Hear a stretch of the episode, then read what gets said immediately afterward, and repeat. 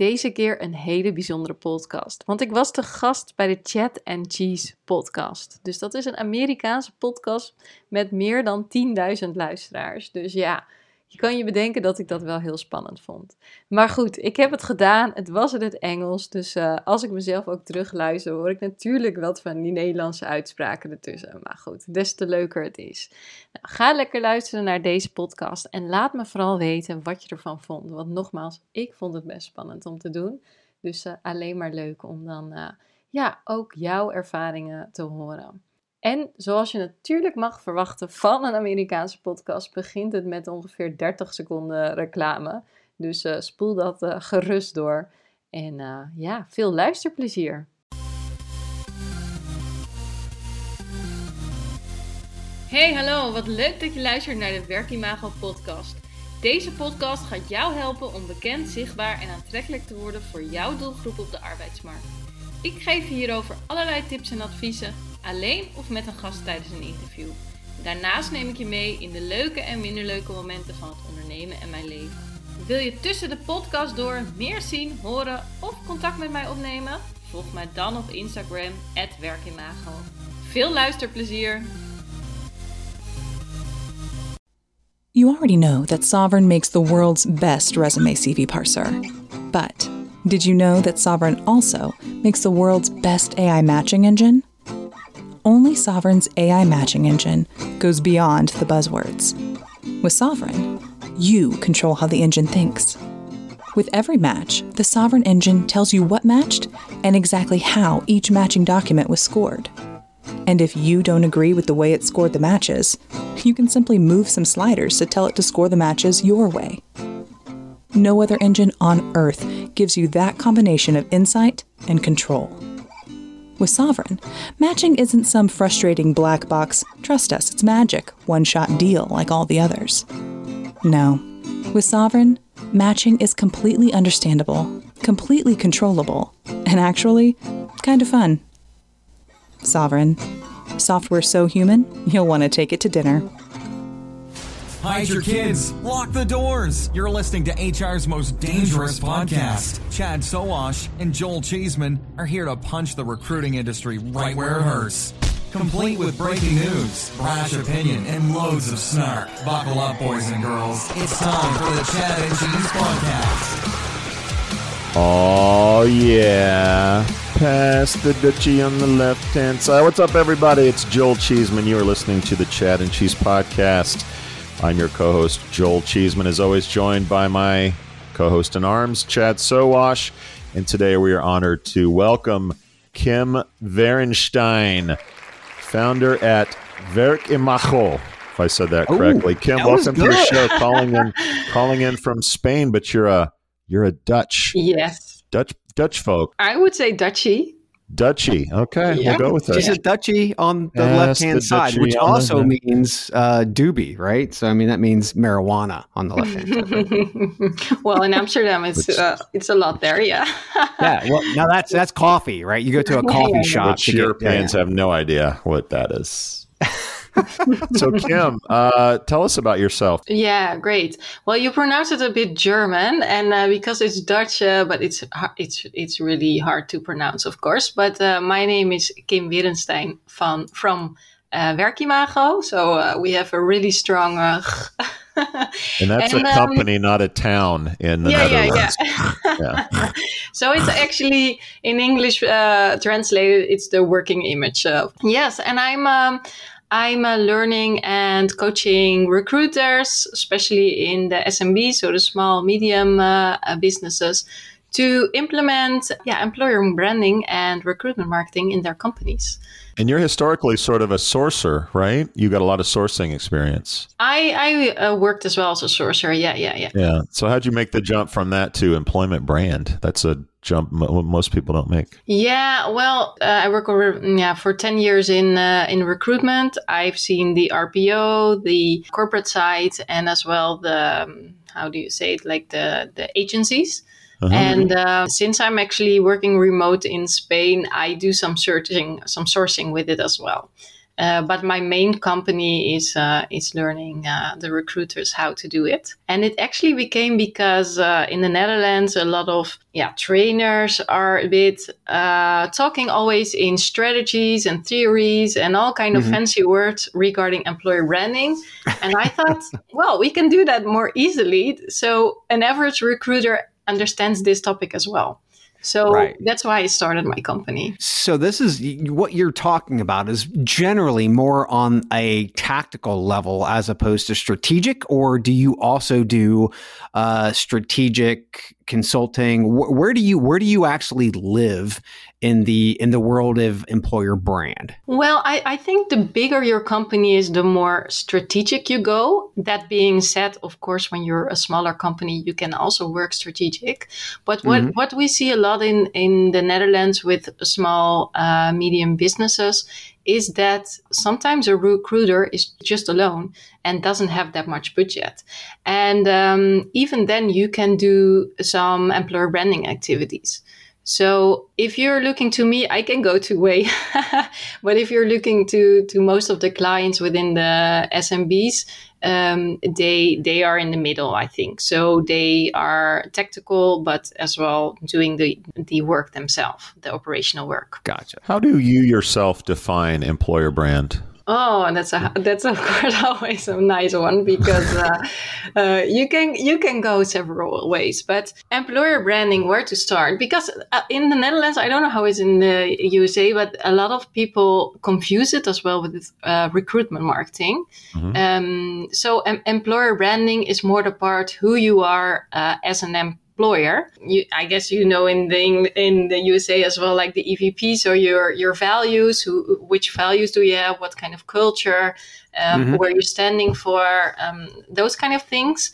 And I always say recruitment marketing is more the um, making your employer brand visible. Uh, so how you make your employer brand visible. Yeah, in the Netherlands, like a lot of people who are not that familiar are always saying, okay, employer branding, I want to do employer branding. And then I'm asking, what, what do you want to do with employer branding? And they, they describe recruitment marketing, for example. So when you're talking to recruiters, you're also, I would assume, helping them develop a personal brand as well because that individual who does represent the brand but that individual really needs to have kind of like their their their own brand per se whether it's on LinkedIn whether it's working with candidates or what have you having their own podcast those types of things.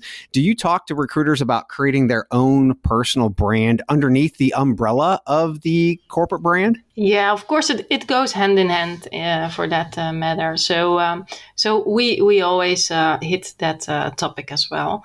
But I think as well, a lot of recruiters always want to do everything by themselves. Why? Yeah, why? I don't know. I think recruiters are like uh, doing from marketing until people skills, uh, until administrative tasks, and and the, the position of a recruiter is of course very broad. So I think a lot of recruiters think, okay, I'm going to do this. Where I also learn them a lot, okay, uh, ask as well the employers who are in a certain position had to to do describe for example or, or to um, write a, a, blog or an article or whatever about their job um, instead of the recruiter is going to write about the job of an account manager i just name an example you started your company in 2019 your your consulting practice. So, yeah. a year after you started it, uh, this little thing called the pandemic hit, uh, and we're slowly crawling out of it. So, I'm just curious.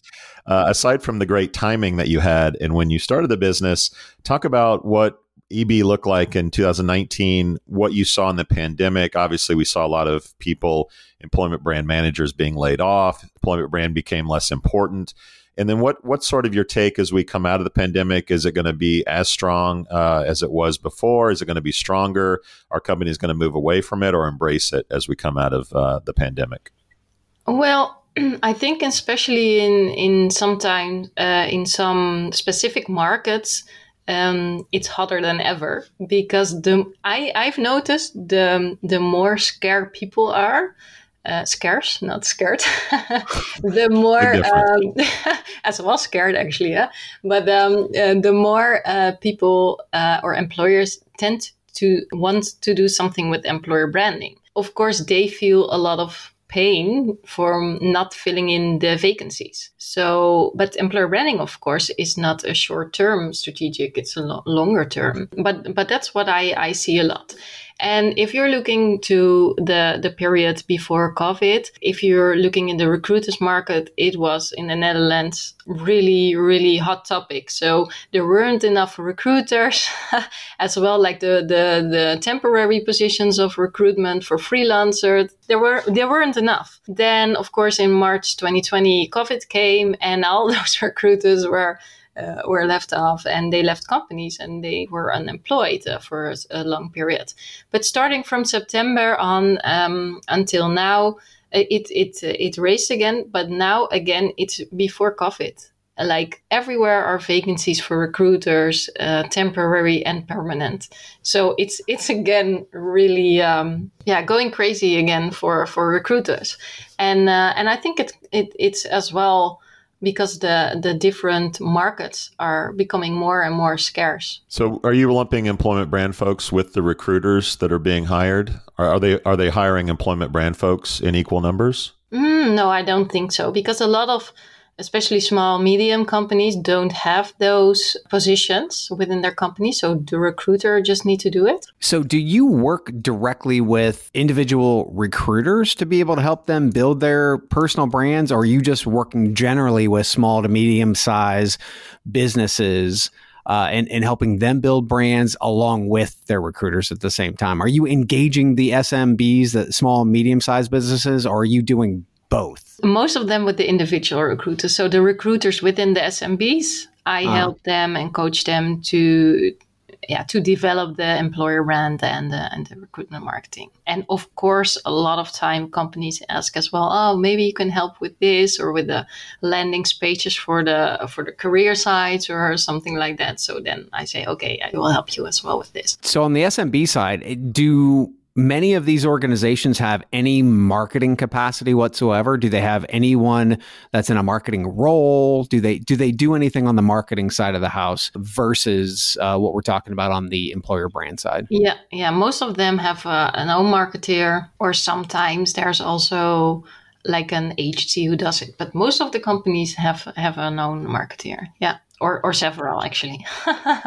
Curious about uh, sort of st- strategies and tactics. What, how much, how much does, how much do review sites like Glassdoor and Indeed reviews come into play when you're consulting with a company? Uh, when you define employment brand, I was uh, when I define it, I think of it as what your what people say about you um, is your brand. So what people say on review sites is really important. Is that a focus for you when you're when you're helping a company, or what's sort of your take on the importance of employer brand site or sorry review sites and how you should how you should manage that? Yeah, well, actually, the funny thing is that review sites they are there, but they are not that big. I think in as in the USA, so they are really. I, I guess rising. Of course, you have Glassdoor. Indeed, is more like a, a, a platform who where you can post your vacancies and it doesn't really say something about your company performance. So a site like Kununu is fairly big in Europe, for example. I never heard of it. How do you say Kununu? I guess not. I think Australia, maybe, get, well, maybe Australia. It could be but, Australia. Yeah, but the thing is that it's actually funny that you say it because a lot of uh, other parts of the world think Europe is like one, but um, like in Europe, the Netherlands is completely different from Germany, and it's completely different again from Spain. And this, whoever does it is irrelevant. Are you saying you don't have review websites, or it's not a thing in Europe at all? Yeah, we, we have them, and of course they they are used, but it's not a, not, not that big, I think, as in the USA. So you see in the Netherlands, actually, a lot of times uh, people are working on their employer brand from internally. So what are the employees saying? And of course, as well, what are applicants saying, for example?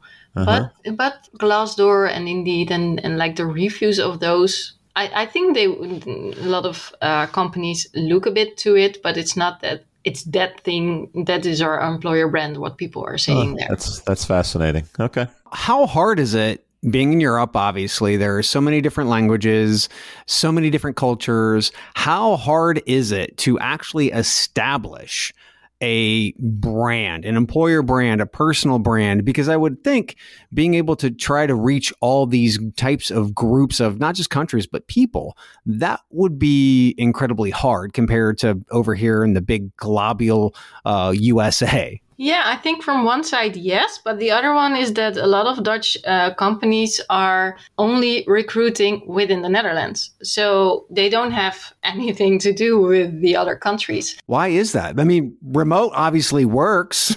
Yeah, I just wanted to say, like, since COVID, eh, I'm as well working remote from Spain for the Dutch market. But since that, that's something that COVID as well. Well, maybe it's a, an advantage of COVID that more and more uh, companies well were forced to work remote and saw, saw the the advantages of it. I think if you look in the Netherlands, um, the Netherlands is quite international, so hardly everybody speaks English. So when there are international companies, they just well, well, do everything in English. But a lot of companies are still wanting Dutch speaking persons.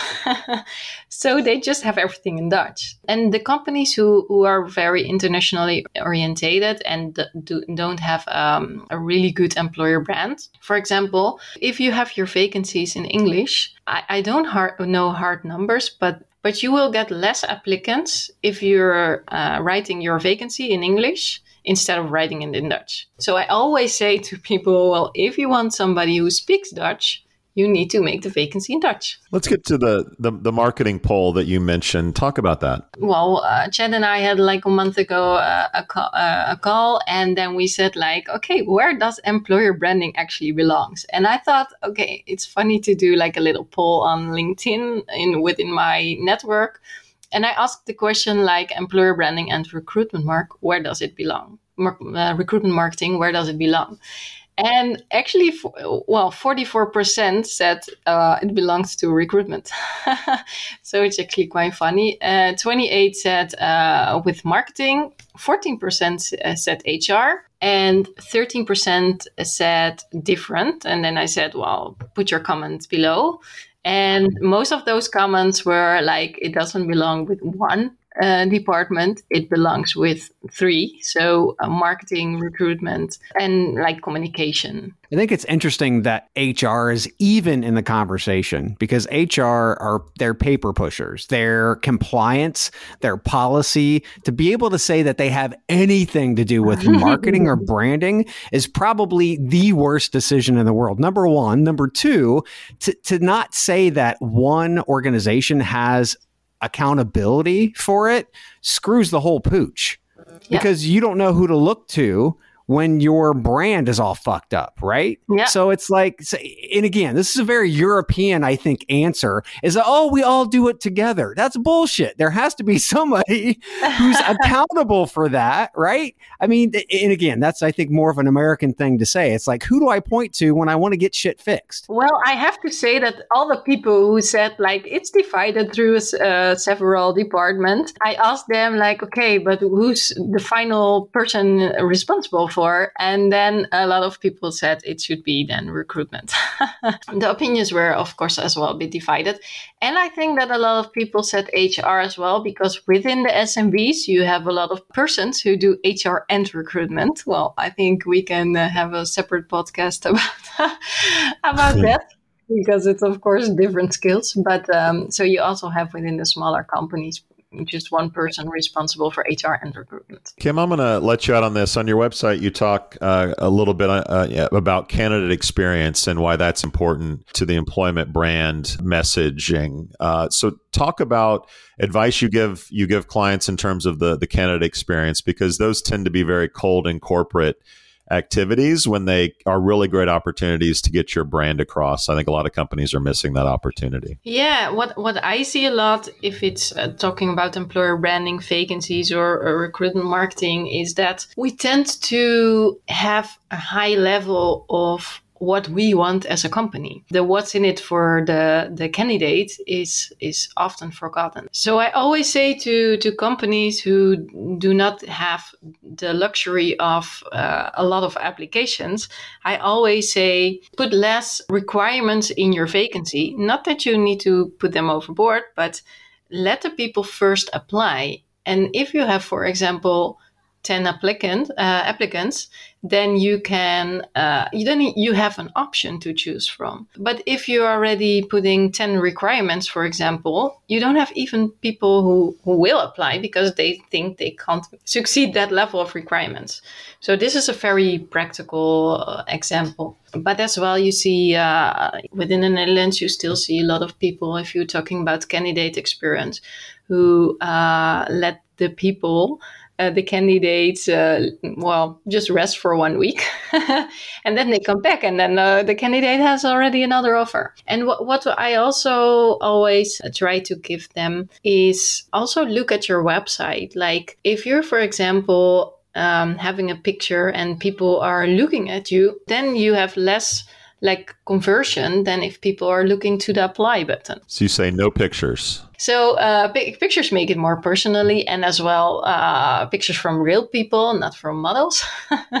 but if you, they're like a kind of smart thing. Sometimes the color of an of an apply button can already be of influence if somebody will hit the apply button or not. So I'm always looking a bit further with my clients. Okay, what can you do on your career website as well to make it more low key that people will actually apply. For example, I now made a button with uh, apply or ask your question through WhatsApp. Actually, very simple, but people tend to hit more the button ask your question through WhatsApp than to hit the button apply because then in once it's really official. Yeah. Well, that being said, as we're talking about candidate experience, you're talking about WhatsApp. What about conversational AI slash chat bots? How are you? Are you seeing more companies using those for a better candidate experience? Are you not? What, what are you seeing uh, with companies that you're talking to? Well, I think if you look in the Netherlands, we have uh, one big company who does this, and they win all kind of prizes and stuff like that. So, um, because they do it very well, actually, I think. What kind of prizes? New car. Money. Money. because they have a lot of news value for for the average company. I think more and more companies are um, are implementing these systems. But that being said, if you don't, if you're a smaller company, you don't have that much budget. But you see, it's more common, and and uh, people are um, employers are implementing these software more and more. Kim, it is wonderful to be able to talk to you, especially for us to be able to better understand. Generally, we talk about the bigger companies, not as much the SMBs. So you helping us and enlightening us on that side of the house, and also across the pond. So uh, we appreciate you coming on. It's Kim Verenstein, everybody. Dankeschön, uh, Kim. Yes. And, and Kim, if people want to listen to the podcast, remember everybody, it's in Dutch, so you have to you have to ha- you have to listen to Dutch. Uh, if they want to listen to the podcast, they want to connect with you. Where would you send them? Where would I send them? Well, I have to to be honest. A lot of things what what I do are really in Dutch because that is my main target audience. So, but if they want to connect, they can connect me on Instagram. My Instagram account is Werkimago, it's already Dutch, and um, as well on LinkedIn LinkedIn. So uh, I would I will say again in in Dutch my name because uh, Joel, you're you're always saying in German. so my so my name is Kim Werenstein. Oh yeah, it's so not international, but anyhow. So and I'm also connected with you guys, so maybe they can look in your friends and search for Kim, and they will find me. They're good. Which means we out. V aus. Thank you for listening to What's it called? A podcast. The chat. The cheese. Brilliant. They talk about recruiting. They talk about technology. But most of all, they talk about nothing. Just a lot of shout outs of people you don't even know. And yet you're listening. It's incredible. And not one word about cheese. Not one. Cheddar. Blue. Nacho. Pepper Jack. Swiss. So many cheeses and not one word. So weird. Anywho, be sure to subscribe today on iTunes, Spotify, Google Play, or wherever you listen to your podcasts. That way you won't miss an episode. And while you're at it, visit www.chadcheese.com. Just don't expect to find any recipes for grilled cheese. It's so weird. We out!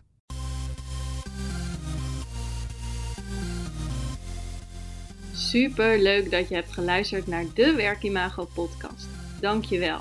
Nog even kort drie dingen die ik met jou wil delen. Allereerst, fijn dat ik steeds vaker word getagd op Instagram in berichten dat luisteraars deze podcast luisteren. Ik vind dat echt leuk, dus tag mij vooral in bijvoorbeeld je stories als je naar deze podcast luistert. En volg je mij nog niet? Ga dan naar Instagram en zoek mij op via werkimago. Dan ontvang je regelmatig tips en tricks op gebied van employer branding, recruitment marketing en candidate experience. En als tweede, het is mijn missie om jou met deze podcast te inspireren.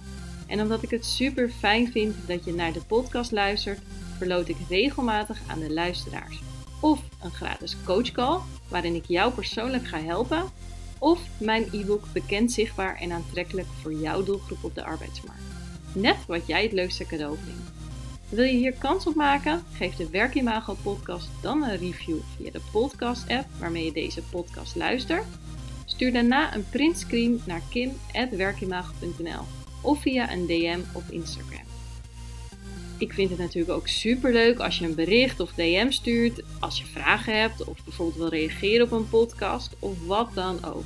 Laat het mij vooral weten. En als laatste, abonneer of subscribe je vooral op de Werkimago podcast. Dan ben jij een van de eerste die de nieuwste aflevering kan beluisteren. Heel graag tot de volgende keer.